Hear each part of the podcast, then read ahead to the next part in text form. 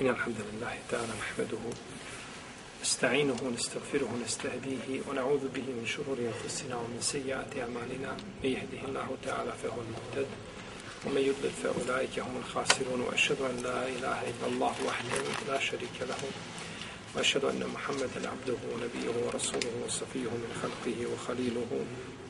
رب اشرح لي صدري ويسر لي أمري واحلل عقدة من لساني يفقه قولي ثم أما بعد. Mi smo došli u našem zadnjem predavanju do pitanja a, kazne čovjeka koji, koji će biti kamenovan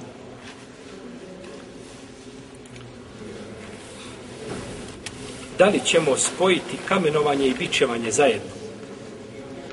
Znači, prilikom kažnjavanja oženjenog muslimana koji je počinio nemoral ili nemuslimana.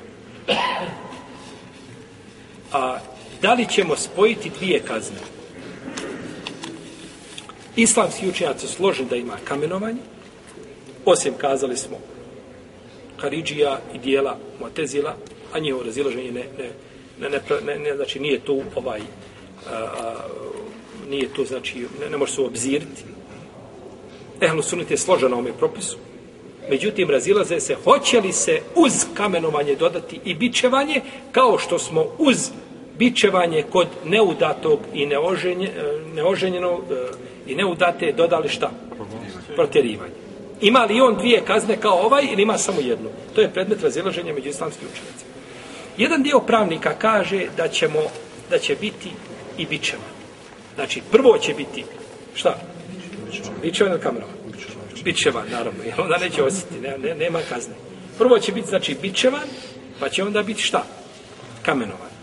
I to je stavi mama Ahmeda po jednom rivajetu, to su odabrali zahirijski pravnici, jel, učenjaci pokvalističke pravne škole, Ibn Hazmi i drugi.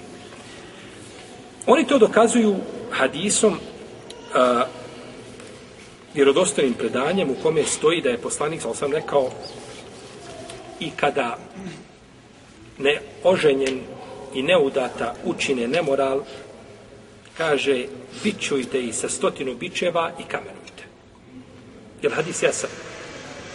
Jeste. Je li vjerodostojan? Jeste. Znači, jasan i vjerodostojan. Znači, da imamo da se spaja bičevanje i kamenovanje.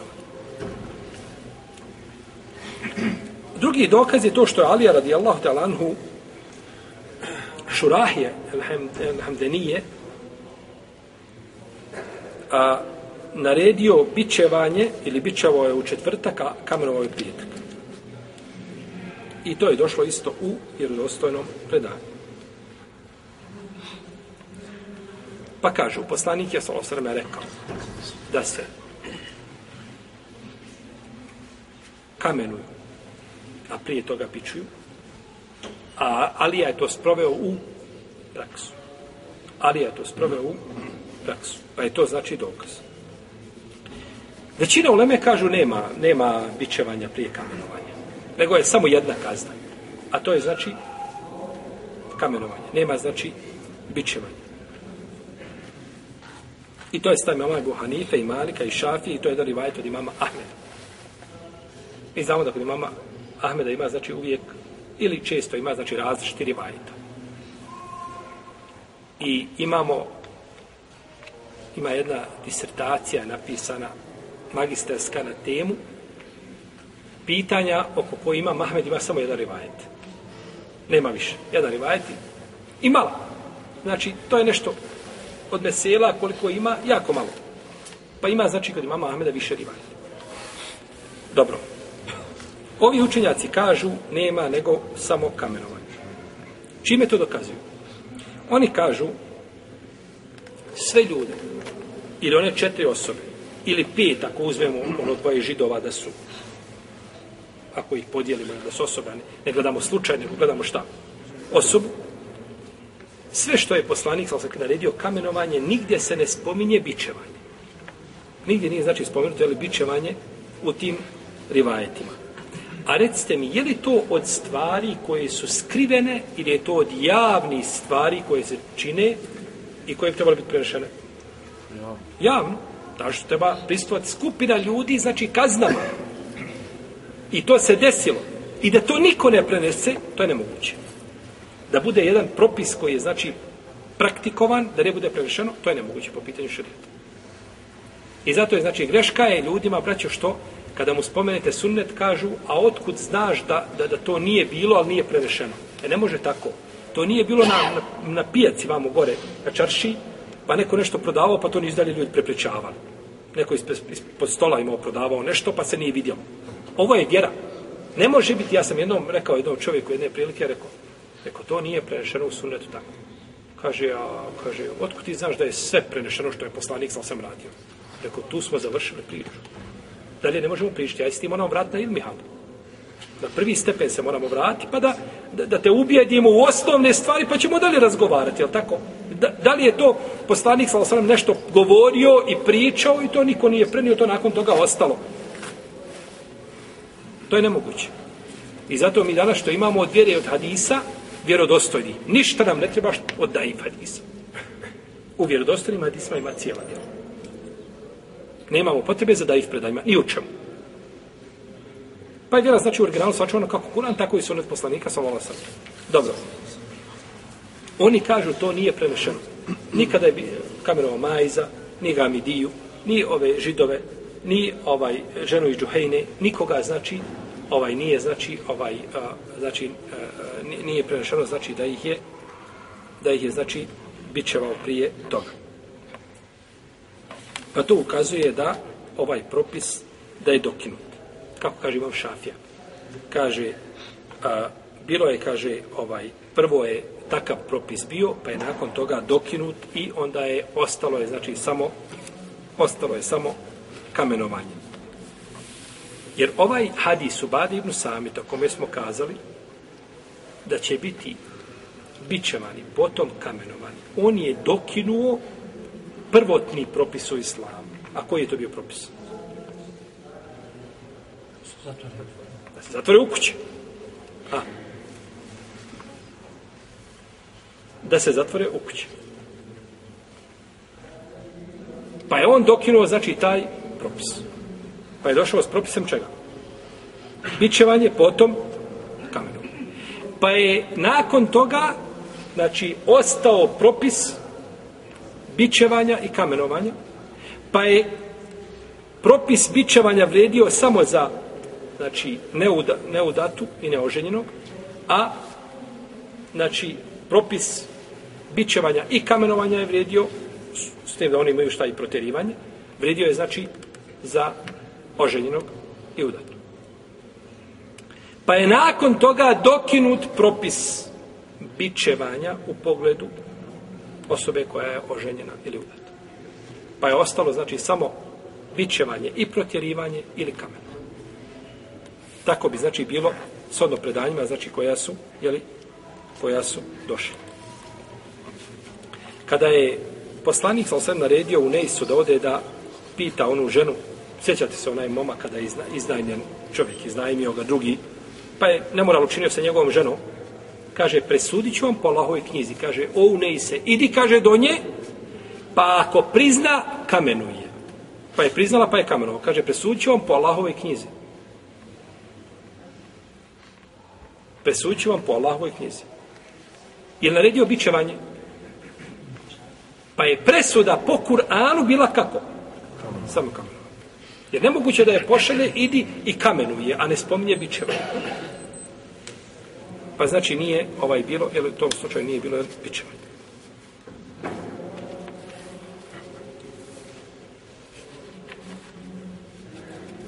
Isto tako Omer radi Allah, ono je a, bićevao, kamenovao čovjeka, nije ga bićevao, koji počinio nemoro, bio oženjen.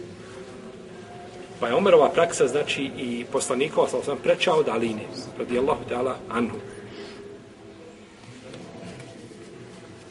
Isto tako, manja kazna ulazi pod veću. Manja kazna šta ulazi? Pod veću kaznu. I nema u tome koristi da ga bičuješ prije čega? Prije kamenovanja. Tome nema koristi. Tome je samo njemu patnja. Jer je cilj znači da se sprovede šta? Veća kazna. Ona je prevashodno ciljana. I ona kada se sprovede, njome se postiže cilj, je tako, da se ljudi nakon toga čuvaju onoga što je zabranjeno. A ako budu s toga i bićevali, znači, to od udara od, od duha šerijata. Druha šerijata, znači, ovaj, druha šerijata, znači njegove milosti koje je, znači, propisao, jeli, ljudima. A, neki učenjaci kažu, to je treće mišljenje, da to vrijedi samo za starca i staricu, to je stav uh, Ubeje ibn Kjaba i to je stav Mesruka. Međutim, Allahu alem, da je preće ovdje ispravnije mišljenje većine učenjaka. Da se znači samo kamenom. Da nema znači bićevanja.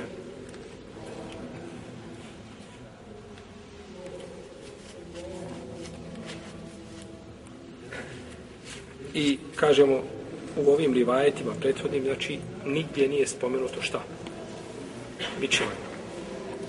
Pa bi to u najmanju ruku bila šubha. Sumnja kada je u pitanju sprovođenje propisa. A kada je u pitanju e, znači izvršenje šerijetskih kazni, pravilo je kod islamskih učenjaka da se one ne izvršavaju prisustvu čega?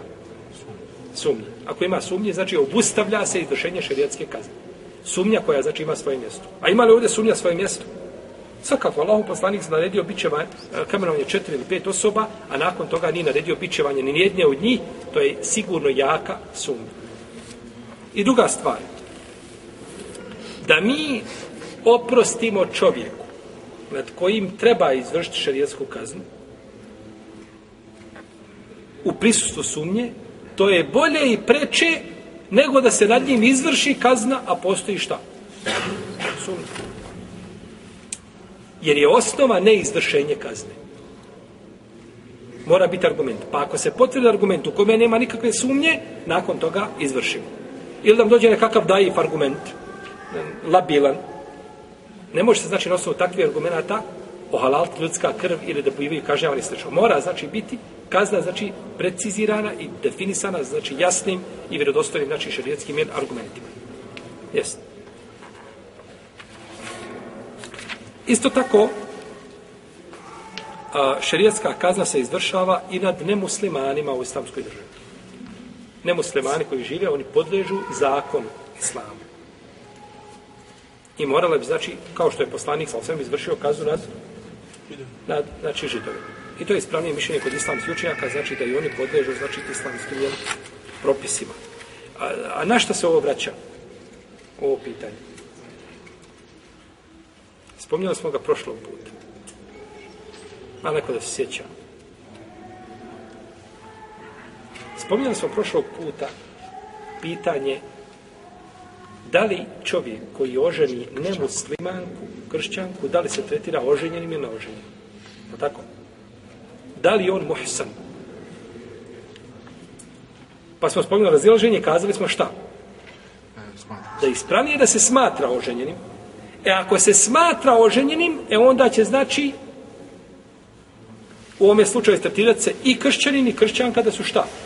Oženjeni udate, tako? Pa će biti izvršeno na njima, znači kazni.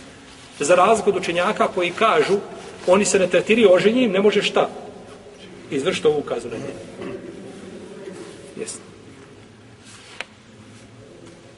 Dobro.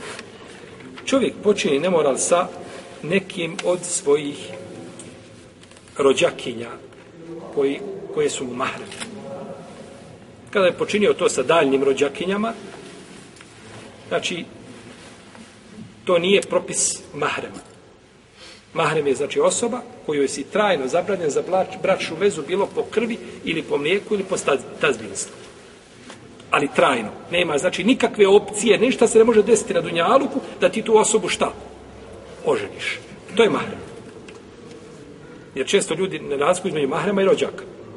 Tebi je am, od e, Amidžićnja ro, ro, rodica. Tetišna je rodica. Ali joj nisi trajno zabranjen za bračnu vezu.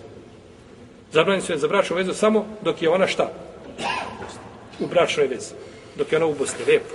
Ovo je, ovo je novo, novi propis. Dok je ona u Bosni. Znači kad izješ van, ako odeš u Tursku, nije. To je kod Turaka, je tako ovaj. Amidžićnja je tebi zabranjen tetišna samo dok je u bračnoj vezi tad ti je zabranjeno. Je tako? Ili, ako si oženio njenu sestru, tako, pa da spojiš dvije sestre. U protivnom, ona ne ulazi, znači, u taj, taj jel tako, ovaj, kod sve uleme na Dunjalu. To nikad nije predmet bio razilaženja da, da, da, da čovjek ili čovjek dozvan da oženi od ovaj tetiše, tako. To je znači samo tradicija ovaj kod određenog naroda. Nije čovjek dužan, niti podstičemo na to. Kažemo nekome, kada bi neko htio da oženi tetišu, kazali su, nemoj to činiti. Dunjaluk pun žena, ženi se. Ne moraš praviti i sebi, jer to nije, nije, nije to sunnet koga te baš oženiti. To je muba. Odakle želiš da se oženiš. Međutim, poricati dozvolu i smatrati nešto haramom, što je dozvoljeno, znači decidnim argumentima, to je, to je znači zabranjeno. Dobro. Pa čovjek, znači, uči nemoral sa nekom od svojih rođakinja kojoj je mahrem. I ovo, ovo je danas u rašinu na zapadu. Koliko je, znači, gore kćerki ili djece ženske ovaj, a, a, izloženo a, tom seksualnom zlostavljanju od strane, znači, roditelja. Mislimo na, konkretno na oca, tako. Vi ste čuli za slučaj onog Austrijanca što je 40 godina ženu držao, kćerku svoju držao zaključanu u podrumu. Imao, znači, kodiran vrata, utipka broj, uđe, izađe 40 godina, ona bila tu, Ne do Bog da je to negdje bilo kod muslimana se tako nešto desilo. Znači, brujale bi novine deset godina o tome. To se spomenulo kao vijest i naravno, jel, po običaju njovo, on je pro, proglašen, on je, on je nešto. Znači, ima, nije normalan. Kao što obično biva kod njih. Pa se to dešava, znači, ovaj, jeli, među ljudima i čovjek koji nema vjere, koji se ne boji gospodara za uđelu. Od njega možeš očekivati svega i svačega. Ne mora zašto. Ima ljudi koji nemaju vjere, ali imaju pri sebi nekakve, imaju ljud, ima ljudskost pri sebi. Nema vjere, ali ima nekakve moralne ljudske osobine i drži se tih osobina. A možete očekivati od njega da bude gori od životinje. Da znači dozvoli sebi ono što znači ni životinje sebi ne bi dozvolili.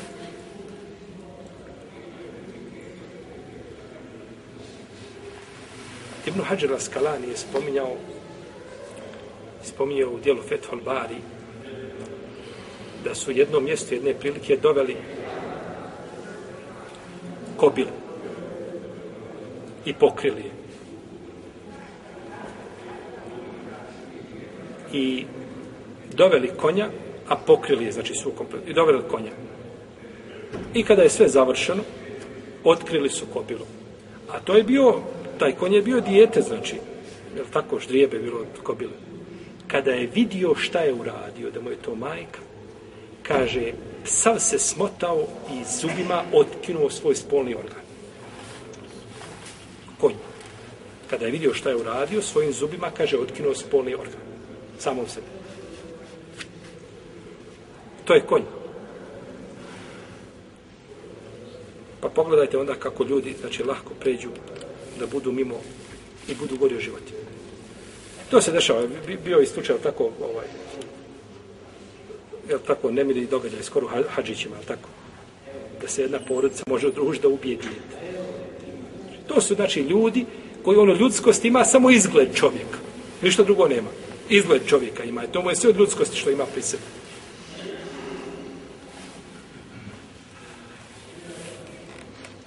Ljudi umiru, odlaze sa Dunjaluka, ništa pri sebi od vjere nema osim imena muslimanskog. Znači, on za svojih 60 ili 70 godina nije naučio da treba imati milost prema djetetu.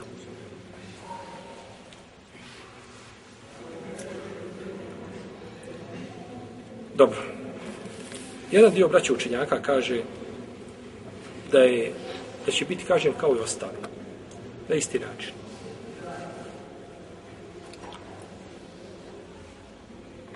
Shodno tome da li je oženjen ili nije oženjen.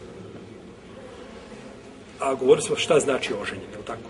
Da je čovjek razveden nakon ispravnog bračnog ugovora i intimnog odnosa da se tretira, znači oženjenim, taman je bio trenutno razveden. Oni kažu kažnjavaće se na isti način. I to je stav većine učenjaka, to je stav i mama Ebu Hanife i Malika i Šafije i to je jedan i mama Ahmeda. A po drugom mišljenju, kod imama Ahmeda, i Ishaka i neki učenjaka sredbenika hadijske pravne škole kažu da će takva osoba biti ubijena i to dokazuju hadisom ko učini nemoral sa svojom a, rođakinjom koja je mahrem, kaže ubite. Međutim, ovaj hadis je daif. Njega bilježi vam tirmizi i drugi, on je daif. Pa će prije biti da se propis vraća, znači na na osobu kao i onu koja je počinila nemoral sa stranom osobom koja znači nije mahrem. Ima hadis kod Elbera ibn Aziba da ga je poslanik sa osanem poslao da ubije osobu sa kojom je čovjek ima, e, čovjeka koji imao intimni odnos sa svojom maćehom. Pa bi to moglo s jedne strane dati snagu ovome hadisu i propisu. Jer je maćeha od trajno zabranjenih osoba. Tako. Pa počiniti ne moram kaže poslao me ovaj da to učinim. U svakom slučaju, kod džumhura u Leme je, znači, mišljenje da će biti kažen samo znači na isti način kao što biva kažnjavan znači čovjek koji je to počinio sa stranom osobom. Znači koji nije mahr. Imamo par stvari. A,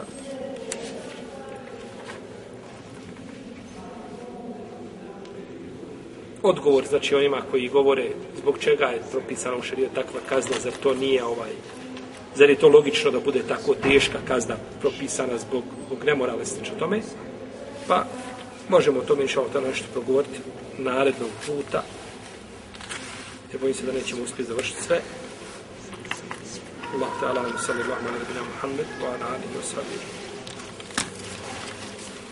da li to čini prvi put ili je to se dešava, ponavlja više puta, uglavnom ne može se tretirati čime? Nemoralnikom i ne možemo ga kazniti kaznom nemoralnika. Jer je za to je propisano, znači kazali smo da je nemoral, nemoral jedna od onih šest kazni koje su šta propisane, znači šarijetom, odnosno definisane koliko znači biva kažem počinio cijeli takvog djela. Jesi.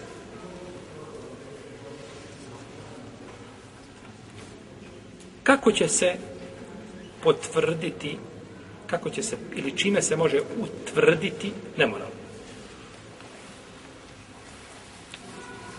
Nemoral se može utvrditi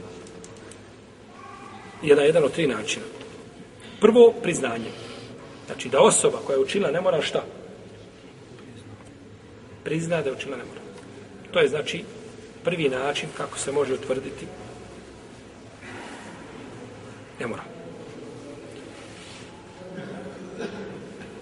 U hadise Abu Hureyre, priči Majza radijallahu anhu, kaže se da je poslanik sa osrame, da je rekao, kaže Allah poslanič, kaže ja sam učinio nemoral, pa se okrenuo od njega, dok nije to ponovio četiri puta, pa je nakon toga naredio da se izvrši, znači, pitao ga je, kaže, bit je džunun, jesi ti, kaže, lud, ili eventualno ovdje džunun, da bi mogla riječ biti, jer međunun može u arapskom značiti da je čovjek e, ograjisao. Je li tako? da, da su šeitani njime ovladali tako dalje. Ili da je lud. Pita ga, znaš li šta govoriš, je tako?